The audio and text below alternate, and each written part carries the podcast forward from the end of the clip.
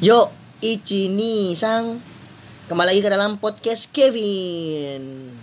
Ya, malam ini eh, gua bakal ngebahas terkait gunung nih teman-teman. Bagi lo yang para pecinta gunung atau yang suka naik gunung Mungkin bisa ngedengerin podcast gua ya. Di sini gua udah kedatangan salah satu gue star terbaik. Dia kenal dekat sama Baim Wong. Sama anaknya Baim Wong apalagi wow dia juga pernah naik gunung sama Kiano guys. Kalau nggak percaya, ini kita sambut eh, tamu spesial kita yaitu Rahmatul Akbar. Gimana kabarnya Mas Rahmat? Ya, terima kasih saudara Kevin. Baik kabarnya, kabar. Gua baik banget kabarnya kok. Lu gimana kabarnya? Baik. Ya, gua kurang baik sih gua. Mungkin kurang naik gunung ya, jadi kurang baik nih. Iya, harusnya gunung berarti tuh supaya pikiran yang jahat-jahatnya langsung kebuang supaya nggak sakit. Oh, gitu ternyata. Berarti nggak perlu ke dokter nih. Ya ke dokter perlu. Abis ke dokter kan udah ada mendingan baru naik gunung gitu maksudnya. Oh iya. Nah jadi tadi nih eh, Mahmat ini tadi kan gue bilang ya kenapa bisa dibilang spesial. Jadi dia ini sudah menaiki berapa gunung Mat? Satu. Sebenarnya gua nggak perlu ngasih tahu gua naik gunung berapa kali, tapi yang penting gua tuh suka banget naik gunung udah gitu. Buat masalah gua berapa naik gunung itu kayaknya nggak harus gua ceritain. Oh. Yang penting gua dari di pribadi tuh gua tertarik dan hobi banget buat naik gunung. Kayak gitu, Vin. Kira-kira eh, dari umur berapa tuh Mat? Atau dari kelas berapa nih eh, suka gitu sama gunung atau enggak lihat apa gitu ter- eh, ini loh ter- terinspirasi sama apa gitu jadi bisa suka naik gunung Apakah mungkin nonton 5 cm ya kan? Itu kan film anak gunung banget tuh kalau 5 cm kan. Ya. apa gimana nih mungkin Mas Mamat? Awalnya tuh gua naik gunung ya coba-coba ya kan? Maksudnya kayaknya seru nih naik gunung nih yang itu kita lihat banyak pemandangan-pemandangan indah tuh. Pertama gue terinspirasi dari pemandangan indah karena dari pemandangan indah tuh gue bisa manfaatkan gue bisa melihat langsung pemandangan yang indah itu di atas gunung. Nah dari dari kapan? Pertama kali tuh gue pas lagi SMA kelas 1 udah gitu gue pakai uangnya uang KJP kalau ada di sini kan kartu Jakarta Pintar. Oh. Uang itu kan setiap uh, bulan turun 200 mohon maaf nih bapak yang udah ngasih KJP ke gua. Gua pakein buat naik gunung. Tapi ada kebutuhan juga buat sekolah. Kemarin tuh kebutuhan buat beli buku beli baju itu gua gua pakai juga dari KJP itu. Cuman sisanya gua kumpulin buat naik gunung. Itu kelas 1 SMA nah awalnya itu gua ngeliat eh, eh pertama gue dia eh, nyari nyari nyari open trip sama teman gue berdua. Itu setelah gua uas kan gue pusing nih. Gue mau nyari liburan sama teman gue ke mana? Ke puncak udah bosen. Ke puncak mulu naik motor udah bosen. Nah gue pengen nyari hal yang baru. Makanya ketemulah gimana kalau naik gunung? Udah gitu gue nyari open trip itu dadakan sama teman gue hari ini gue ngomong sama teman gue besok mau naik gunung besok langsung jalan ketemu open trip. Sekarang prepare besok jalan kayak gitu. Oh jadi kayak gitu ya. Jadi dapat uang dari KJP gitu ya? Hmm. mungkin dari podcast ini mungkin bapaknya Rahmat bisa dengar kali ya Mat? Ah ya, jadi tadi eh, mungkin eh, para pendengar tadi bisa dengar ya dari inspirasi Mamat ini. Dia itu mencari tantangan baru atau hiburan baru gitu. Jadi kalau di Jakarta di sini itu biasanya liburan ke puncak ya gitu ya kalau refreshing misalnya tahun baru ataupun apalah gitu. Nah, tapi Mamat di sini mencoba tantangan baru dengan eh, open trip eh, ke gunung gitu ya. Iya ke gunung. Waktu gue pertama kali ke Gunung Prau itu letaknya di Wonosobo. Wonosobo, Jawa Timur Wonosobo. apa Jawa Tengah itu? Wonosobo itu jatuhnya masih Jawa Tengah deh. Kalau nggak salah ya, mungkin kalau salah koreksi aja. Oh. Wonosobo. Itu pertama kali gue banget. Tapi eh, selama naik gunung nih, Hmm. kan banyak tuh eh ada rintangan, ada cerita-cerita serem, ada yang cerita-cerita menarik gitu. Jadi eh, selama naik gunung tuh pernah nggak sih Mat, ngerasain kayak hal-hal, oh serem nih di gunung ini, wow ser apa nih eh ah malesan naik di gunung ini karena tanjakannya gini-gini likak-liku gitu. Nah pernah nggak eh, di salah satu gunung gitu? Gue dengar-dengar Mamat ini pernah naik 100 gunung ya kan? Enggak lah, gue naik gunung gunung nggak ada. Gue cuma beberapa gunung doang. Udah gitu nggak nggak banyak. Emang karena gue hobi aja, gue pengen naik gunung lagi. Cuman kan minim budget sama waktu juga susah buat tentuin makanya semoga aja gue bisa naik gunung lagi nih setelah nanti liburan uas atau nanti habis lebaran Ya. nah balik ke pertanyaan Kevin tadi eh, hal yang paling menarik itu pasti ada dan hal yang paling gak gue inginkan juga pasti ada tapi kan yang namanya challenge gue harus semua harus gue jalanin gitu. Kan dari awal gue bilang gue pengen nyari tantangan baru yang di mana refreshing gue tuh cuma ke puncak terus ke eh, ke villa bakar-bakar sama teman-teman. Itu kan menurut gue udah biasa. Gue pengen cari hal yang baru yang menurut gue tuh ada tantangannya. Makanya gue mencoba untuk naik gunung. Nah rintangannya itu pasti ah, yang pertama capek. Kalau misalkan ada trek-trek yang ekstrim tanjakan itu bener-bener berpengaruh banget buat badan kita. Apalagi kaki kita kadang kan sering kram nah itu kan yang harus gua terima. Mungkin karena hobi gua terus gua jadi suka rintangan yang sejelek apa pun ya harus gue terima. Nggak ada yang gua keluhin. Itu yang definisi kalau udah hobi. Beda sama orang-orang yang kayak cuma pengen naik doang tapi nggak dimaknai dari dan naik gunung itu. Gitu.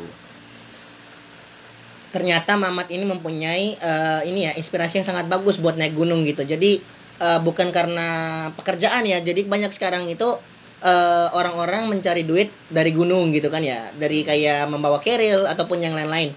Nah, tadi Mama juga bilang kayak maupun serintangan yang sekeras apa pun dia tetap lalui gitu dengan naik gunung. Jadi mungkin yang kita dapetin di sini eh, naik gunung ini sangat bermanfaat ya mungkin ya bagi teman-teman yang banyak eh, masalah ataupun banyak tugas dalam perkuliahan ataupun sekolah mungkin bisa nih naik du- naik gunung.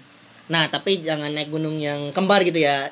ya beda lagi tuh Iya. Lagi Nah, jadi eh, di sini nih mungkin tadi eh, gua sebelahku pemilik podcast ya gitu ya. Mungkin buka buka donasi gitu ya buat Mamat bisa naik gunung lagi gitu, Mat. waduh Gimana? boleh kalau nggak maksa ya nanti gue sertain link kita bisa gitu ya di sini ya. aduh Nah, jangan dong mungkin Mat eh, yang pengen gue tanyain lagi nih. Kan kita di sini kan dikelilingin banyak-banyak gunung gitu ya Indonesia ya. iya benar Nah, coba sebutin deh eh, salah satu gunung yang paling membuat lu terkesan gitu sampai nggak lu nggak bisa lupain sekarang gitu. Apa dari sunsetnya, apa pun dari uh, oh dari matahari keren nih di sini nih di gunung ini nih. Apa sih yang membuat lu pengen naik lagi ke gunung itu? gini Pina kalau menurut gua setiap gunung itu punya ceritanya masing-masing gue pernah naik gunung di Merbabu pasti gue punya hal yang menarik ada di gunung Merbabu gue pernah naik gunung di Prau pasti ada hal yang menarik yang ada di gunung Prau nah jadi gue nggak bisa memilih gunung mana yang harus gue pengen naikin lagi. Karena setiap gunung itu punya ceritanya masing-masing dan ceritanya masing-masing itu menurut gue punya penuh kesan yang bagus gitu yang luar biasa buat gue jadi kalau lu suruh pilih gunung mana yang buat terkesan gue nggak bisa milih. Karena setiap gunung itu menurut gua bagus punya pemandangan yang bagus. Jadi kita bisa mengenal ciptaan Tuhan nih. Ternyata ciptaan Tuhan tuh eh, ada banyak. Makanya kita bisa manfaatin ciptaan Tuhan dengan cara kita naik gunung. Jadi kita nggak eh gua secara pribadi nggak bisa milih karena gunung itu eh, suatu tempat yang nyaman bagi gua dan pasti punya ceritanya masing-masing Oh, gitu. Kalau gua sih eh, cerita naik gunung ya, Mm. itu awal kali di kampung. Kampung gue itu punya gunung tapi gunungnya nggak terlalu gede sih. Nah di situ gua naik gunung waktu pengalaman pramuka. Mm. Nah di situ mungkin gue pengen naik lagi ya mungkin karena ada hal-hal lucu sih di situ. Seperti eh, pas gua pramuka kemarin, gua naik gunung kan. Nah itu ada yang kayak eh, mules di tengah perjalanan. Mm. ada yang lupa botol airnya di bawah gitu kan. Itu mungkin uh, hal-hal lucu. Terus pas turunnya kan turun uh, sama naik itu kan berbeda ya gitu ya feelnya. Nah di turun ini mungkin kita rasa oh harus hati-hati nih biar nggak kegelincir. Nah itu ada guru-guru gue yang jatuh gitu. Jadi bukannya ditolongin tapi malah diketawain dari belakang.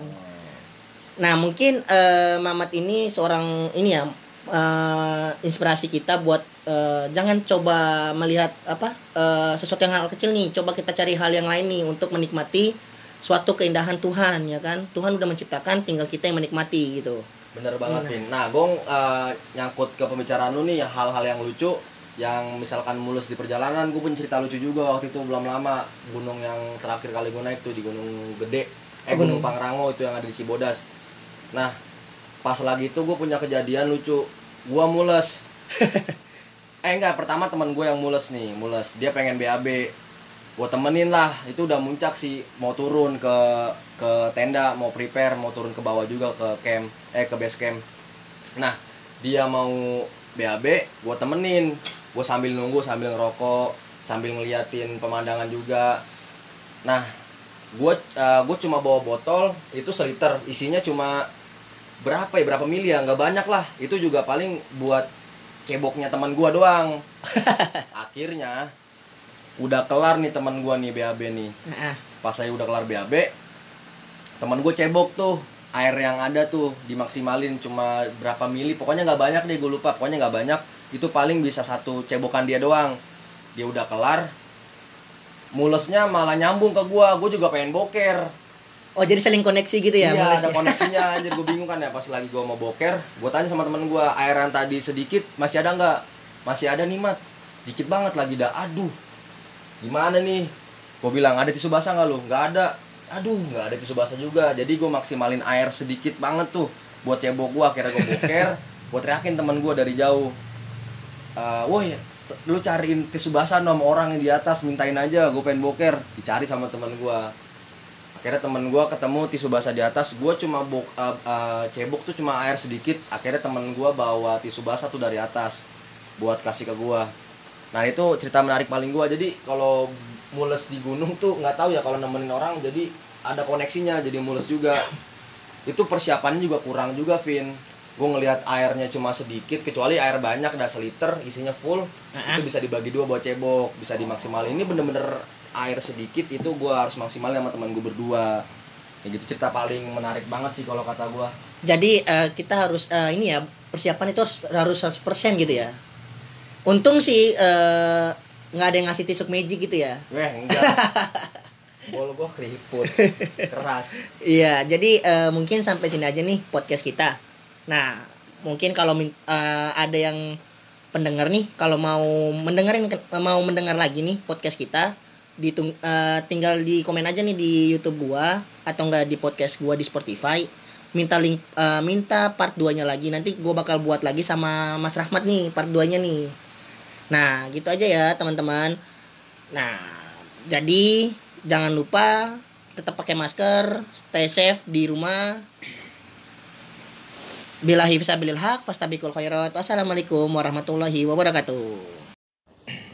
Rabbi srohli sadari wa yassir li amri wahlul 'uqdatam min lisani yafqahu qawli. Bismillahirrahmanirrahim. Assalamualaikum warahmatullahi wabarakatuh. Waalaikumsalam warahmatullahi wabarakatuh. Eh, baiklah teman-teman kembali dalam acara podcast PKI NVC Pohamka ya. Jadi sekarang kita kedatangan tamu nih dari salah satu kader PKI NVC Pohamka. Yang paling pojok ini adalah ketua bidang hikmah. Dan satu lagi sampingnya kadernya. Kayaknya dari bidang ini eh, memiliki cangkupan sangat luas ya tentang politik ya tentang pembahasan konteksnya terlalu politik atau gimana nggak sih hikmah itu kan? Ya, jadi bidang hikmah itu tentang politik dan juga kebijakan publik gitu. Nah, eh, di samping saya juga ada rekan dari bidang hikmah. Gimana menurut eh, rekan tentang bidang hikmah itu seperti apa gitu? ya bidang hikmah itu yang tadi dibilang sama kepala bidang ini juga benar jadi apa namanya melihat dari sisi kebijakan publik yang ada sekarang nih kebijakan-kebijakan apa yang dibuat sama pemerintah terus dari segi politik nah itu cakupannya dari bidang hikmah Oh iya ya, jadi eh, bagaimana kepolitikan negara Indonesia nih ya Hmm. khususnya. Jadi dari hikmah itu sering diskusi tentang kajian eh, baik buruknya dalam keputusan pemerintah tersebut gitu ya teman-teman. Iya. Oh baik nih, kayaknya cocok ya untuk kita ngebahas tentang ppkm ya yang banyak atas pro kontranya gitu ya teman-teman ya. Kan banyak tuh yang bilang ya kalau misalnya, ah buat apa sih ppkm? Apakah pemerintah itu nggak bisa ngurus dari kemarin apakah itu ppkm adalah suatu cara yang telat gitu ya atau ppkm itu aduh gimana sih kan banyak yang sangat kontra padahal ppkm itu penting nggak sih buat buat menurut kalian itu gimana ya Ya, kalau menurut saya pribadi ya, eh, PPKM ini sebenarnya sangat bermanfaat gitu untuk eh, Indonesia. Sedangkan saat ini kan virus-virus corona makin bertambah, orang-orang yang meninggal makin meningkat juga ya kan. Eh, kita bisa melihat di daftar eh, Kementerian Kesehatan gitu di Instagram ataupun di platform-platform lain seperti Facebook dan juga Twitter gitu kan. Itu eh, yang positif meningkat sedangkan yang eh, sembuh itu juga eh, kurang gitu dari eh, yang ini persentase dari yang positif gitu. Jadi eh, ibaratnya ini PPKM darurat ini sudah cukup inilah sudah cukup baik kalau menurut saya yang ditetapkan sama pemerintah kebijakan ini. baik baik Jadi kalau dari ketua bidang kader hikmah nih, bidang hikmah ya, itu sangat baik lah. Jadi bagaimana pemerintah itu bisa eh, cukup mengatasinya dengan cara ppkm. Tapi kalau dari saudara Rahmatul Akbar bagaimana ini? Ya. Pentingkah itu ppkm? Sebenarnya saya sepakat sama dari uh, Kevin ini terkait PPKM ini diberlakuin di Indonesia. Karena PPKM ini yang dirasa sangat penting dan cocok untuk apa untuk kondisi sekarang. Kalau perihal PPKM ini bagaimana nanti uh, yang tadi dibilang kan kasus-kasus Covid itu telah meningkat. Nah, bagaimana ca- cara pemerintah mensiasatkan kepada masyarakat bahwasanya supaya angka kematian Covid ini nggak terus-terusan bertambah, muncullah solusi yang namanya PPKM, pemberlakuan, pembatasan kegiatan masyarakat. Nah, itulah yang dibilang sangat penting karena tarikannya itu pasti kan karena sekarang kita lagi wabah Covid supaya gimana caranya nih wabah ini bisa meminimalisir dari angka kematian karena Covid virus 19 Oke, ini. baik baik. Eh, tapi ada yang ganjel nih teman-teman ya, teman-teman kader semuanya nih, eh, khususnya bidang hibah. Eh, tapi banyak sekarang masyarakat ya, bukan munafik juga ya. Yang kon- eh, kontra terhadap ppkm. Eh, mungkin karena wah kita di lockdown lagi. Apakah lockdown kemarin itu hanya sia-sia? Apakah sekarang lockdown lagi kita dikasih jaminan seperti bansos yang menjamin gitu? Eh, itu menurut eh, teman-teman gimana? Apakah pemerintah itu dalam melaksanakan ppkm itu kan udah benar ya. Eh, ppkm itu ada ppkm udah benar. Tapi dalam melaksanakan ppkm itu udah benar apa belum? Menurut teman-teman? Ya kalau menurut saya lagi ya mungkin eh, ppkm ini sebenarnya sudah sangat benar, tapi dalam ininya itu untuk masyarakat kurang gitu dampak untuk masyarakatnya. Ini ibaratnya hanya memaksa masyarakat untuk eh, biar kesehatan ini cepat memulih, sedangkan ekonominya masyarakat ini sendiri pun eh, lagi terdampak gitu kan. Nah kita tahu lah eh, mungkin dengan cara kebijakan pemerintah mengeluarkan bansos tadi yang dikatakan sama eh, moderator tadi kan eh, itu mungkin cukup baik seperti di tahun 2020 di bulan April gitu kan itu ada bansos seperti mie goreng dan juga beras-berasan gitu kan eh, cukup eh, membuat masyarakat Indonesia ini cukup makmur gitu. Jadi eh, di sini pemerintah harus mengeluarkan eh, suatu kebijakan yang bersifat sosial untuk masyarakat begitu. kebijakannya harus mengeluarkan eh, jaminan lah ya seperti Nah, bansos seperti itu. tersebut pada masyarakat oke kalau dari dari kanda rahmatul gimana Ya terkait PPKM ini kan kita gimana ya masyarakat-masyarakat itu Saya kan- minum dulu ya, Bung. oh iya silahkan kanda Ya masyarakat-masyarakat itu kan kegiatan-kegiatan yang ada di masyarakat itu kan dibatasin sama pemerintah karena ada dampaknya apa pengeluaran ppkm ini. Nah sebenarnya kalau misalkan dari sebelum-sebelum tadi dibilang sama Kanda Kevin ini kan terkait psbb terus ada ppkm mikro. Nah sampai sekarang ppkm darurat. Nah kemarin kan di bulan dari dari tanggal 3 Juli sampai dengan 20 Juli itu kan ppkm darurat. Nah sekarang ditambah lagi tambah lagi Nah, ditambah lagi ada level-levelannya gitu, level 1, 2 sampai seterusnya. Nah, terkait PPKM ini sebenarnya balik lagi ke tadi konteks yang di awal, sangat amat penting karena mungkin pemerintah melihat dari segi kebijakan ini yang diutamakan atau yang diprioritaskan itu adalah tentang kesehatan. Bagaimana nanti kesehatan yang ada di Indonesia ini tetap eh, berjalan dengan lancar. Nanti kan kalau misalkan ibarat kata gini, kalau kita sehat ya kita sehat, kita bisa jalan, kita kan bisa nyari uang. Tapi kalau misalkan kita sakit, kita nggak berdaya kan kita nyari uang susah. Jadi yang diutamakan adalah kesehatan. Balik lagi ke konteks yang ppkm tersebut nih kebijakan ppkm yang diadakan kan udah jelas juga di peraturan bahwa saya kalau misalkan ppkm diadakan, jadi peran peran pemerintah ini juga harusnya turun kepada masyarakat dengan cara memberikan bantuan-bantuan sosial. Nah bantuan sosial itulah yang paling penting banget. Maksudnya bantuan sosial itu yang paling berpengaruh untuk masyarakat, terutama masyarakat kalangan bawah. kemarin saya habis dari saudara saya ini cerita sedikit ya teman-teman biar kita relax lah Eh, fakta sih ceritanya dari kemarin bener eh, pemerintah ngasih jaminan berupa bansos. Dia memberi 600 ribu. Itu untuk dua bulan. Oh. 600 ribu untuk dua bulan. Gimana? Sedangkan kita gaji UMR sebulan belum cukup ya kan? Iya. Ini 600 ribu ya eh, takutnya gimana ya? Eh, emang kemarin juga ada eh, kayak toko-toko tuh dipaksa untuk tutup. Maksudnya mungkin dari ada juga kemarin juga kasus saya nih habis makan di warteg nih ada kan saya pernah cerita ya kan ya teman-teman ke teman-teman saya juga pernah cerita jadi habis makan di warteg datang satpol pp kita di foto-fotoin dari belakang habis itu di- dipaksa tutup bukan itu dipaksa tutup dipaksa untuk tidak makan di tempat nah setelah setelah itu setelah kita pergi kemarin saya dapat kabar dari warteg sebelahnya ternyata warteg tersebut kena denda Waduh. kena denda karena dia telah melanggar peraturan PPKM. Coba bayangin dia men- sudah nyari celah nih biar nggak ketahuan nih kan, Set, tapi tetap menjaga prokes. Tapi ketika udah dapat cuan, didenda lagi, duitnya kasih ke siapa itu? Paham, paham. kan gokil ya? Nah. oke gini teman-teman. Eh, maksud saya eh, dari bidang hikmah nih kita sangkutin ya. Dari bidang hikmah ini eh, mungkin ada mungkin solusi bagaimana caranya supaya ppkm ini bisa menjadi ppkm yang efektif gitu. Supaya corona selesai dan ekonomi juga nggak nggak terlalu hancur banget gitu. Bisa- ya ibarat nggak kita mati kelaparan bukan corona gitu gitu gimana ya ada ada maksudnya sih? Mungkin Yang jawab Ya, kayak mungkin bisa kalau menurut saya gimana caranya kan PPKM ini bisa berjalan dengan efektif yang udah diluncurkan sama pemerintah. Sebenarnya kuncinya bisa cuma satu. Bagaimana caranya pemerintah ini memberikan kebijakan dan didapatkan juga feedback dari masyarakat. Nah, bentuk sinergitas ini nih dari pemerintah dan masyarakat. Bagaimana caranya pemerintah membuat kebijakan? Pastikan kebijakan untuk masyarakat. Nah, bagaimana masyarakat ini juga mendapatkan feedback yang baik dari kebijakan tersebut? Berarti kan berarti uh, poin yang pertamanya kalau bagaimana PPKM ini berjalan dengan efektif, yang pertama bentuk sinergitas antara masyarakat dan pemerintahan, betul sekali kan bentuk kerjasama antara pemerintah dan masyarakat supaya uh, COVID-19 ini kita bisa kembali pulih dan normal seperti sebelum-sebelumnya kita uh, langsung kuliah kan di kampus itu kan rindu-rindu banget kayak Waduh, gitu. enak banget itu. diskusi ya bentuk sinergitas itu yang paling penting. Nah, balik lagi ke bantuan sosial itu kan sebenarnya bentuk uh, sinergitas. Jadi pemerintah meluncurkan kebijakan tersebut, ya pemerintah apa ini jaminannya? Kalau misalkan masyarakat tuh dibatasi kegiatannya, ya udah kasihin bansos. Masalah perihal bansos dikasih berapa, seenggaknya masyarakat-masyarakat ini masih dijamin lah Oh, untuk iya, benar, makan perutnya sehari-hari, kompornya masih menyala gitu ibarat kata betul begitu. betul betul sekali anda betul Eh, jadi eh, sebenarnya eh, ada ppkm ini intinya kita itu supaya terhentinya dari penularan corona ya teman-teman ya Iya. jadi tidak selalu buruk kalau misalnya ada keburukan mungkin bagaimana kita bisa bekerja sama sama pemerintah pemerintah mendengar suara kita kita juga mendengar suara pemerintah kita saling solid gitu ya kan? Iya.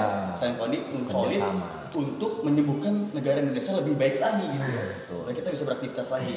Ah, gitu. Baiklah eh, sahabat-sahabat semuanya eh, mungkin cukup sekian dari yang kita sampaikan. Eh, semoga ini bisa bermanfaat ya teman-teman.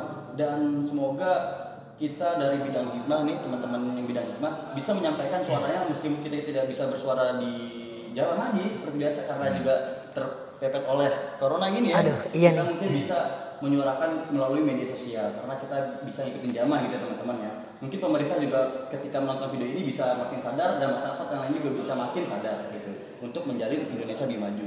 Baiklah kurang lebihnya kami mohon maaf. Syukron husni Allah istimamikum assalamualaikum warahmatullahi wabarakatuh. Waalaikumsalam warahmatullahi wabarakatuh. Udah, selesai, Rob.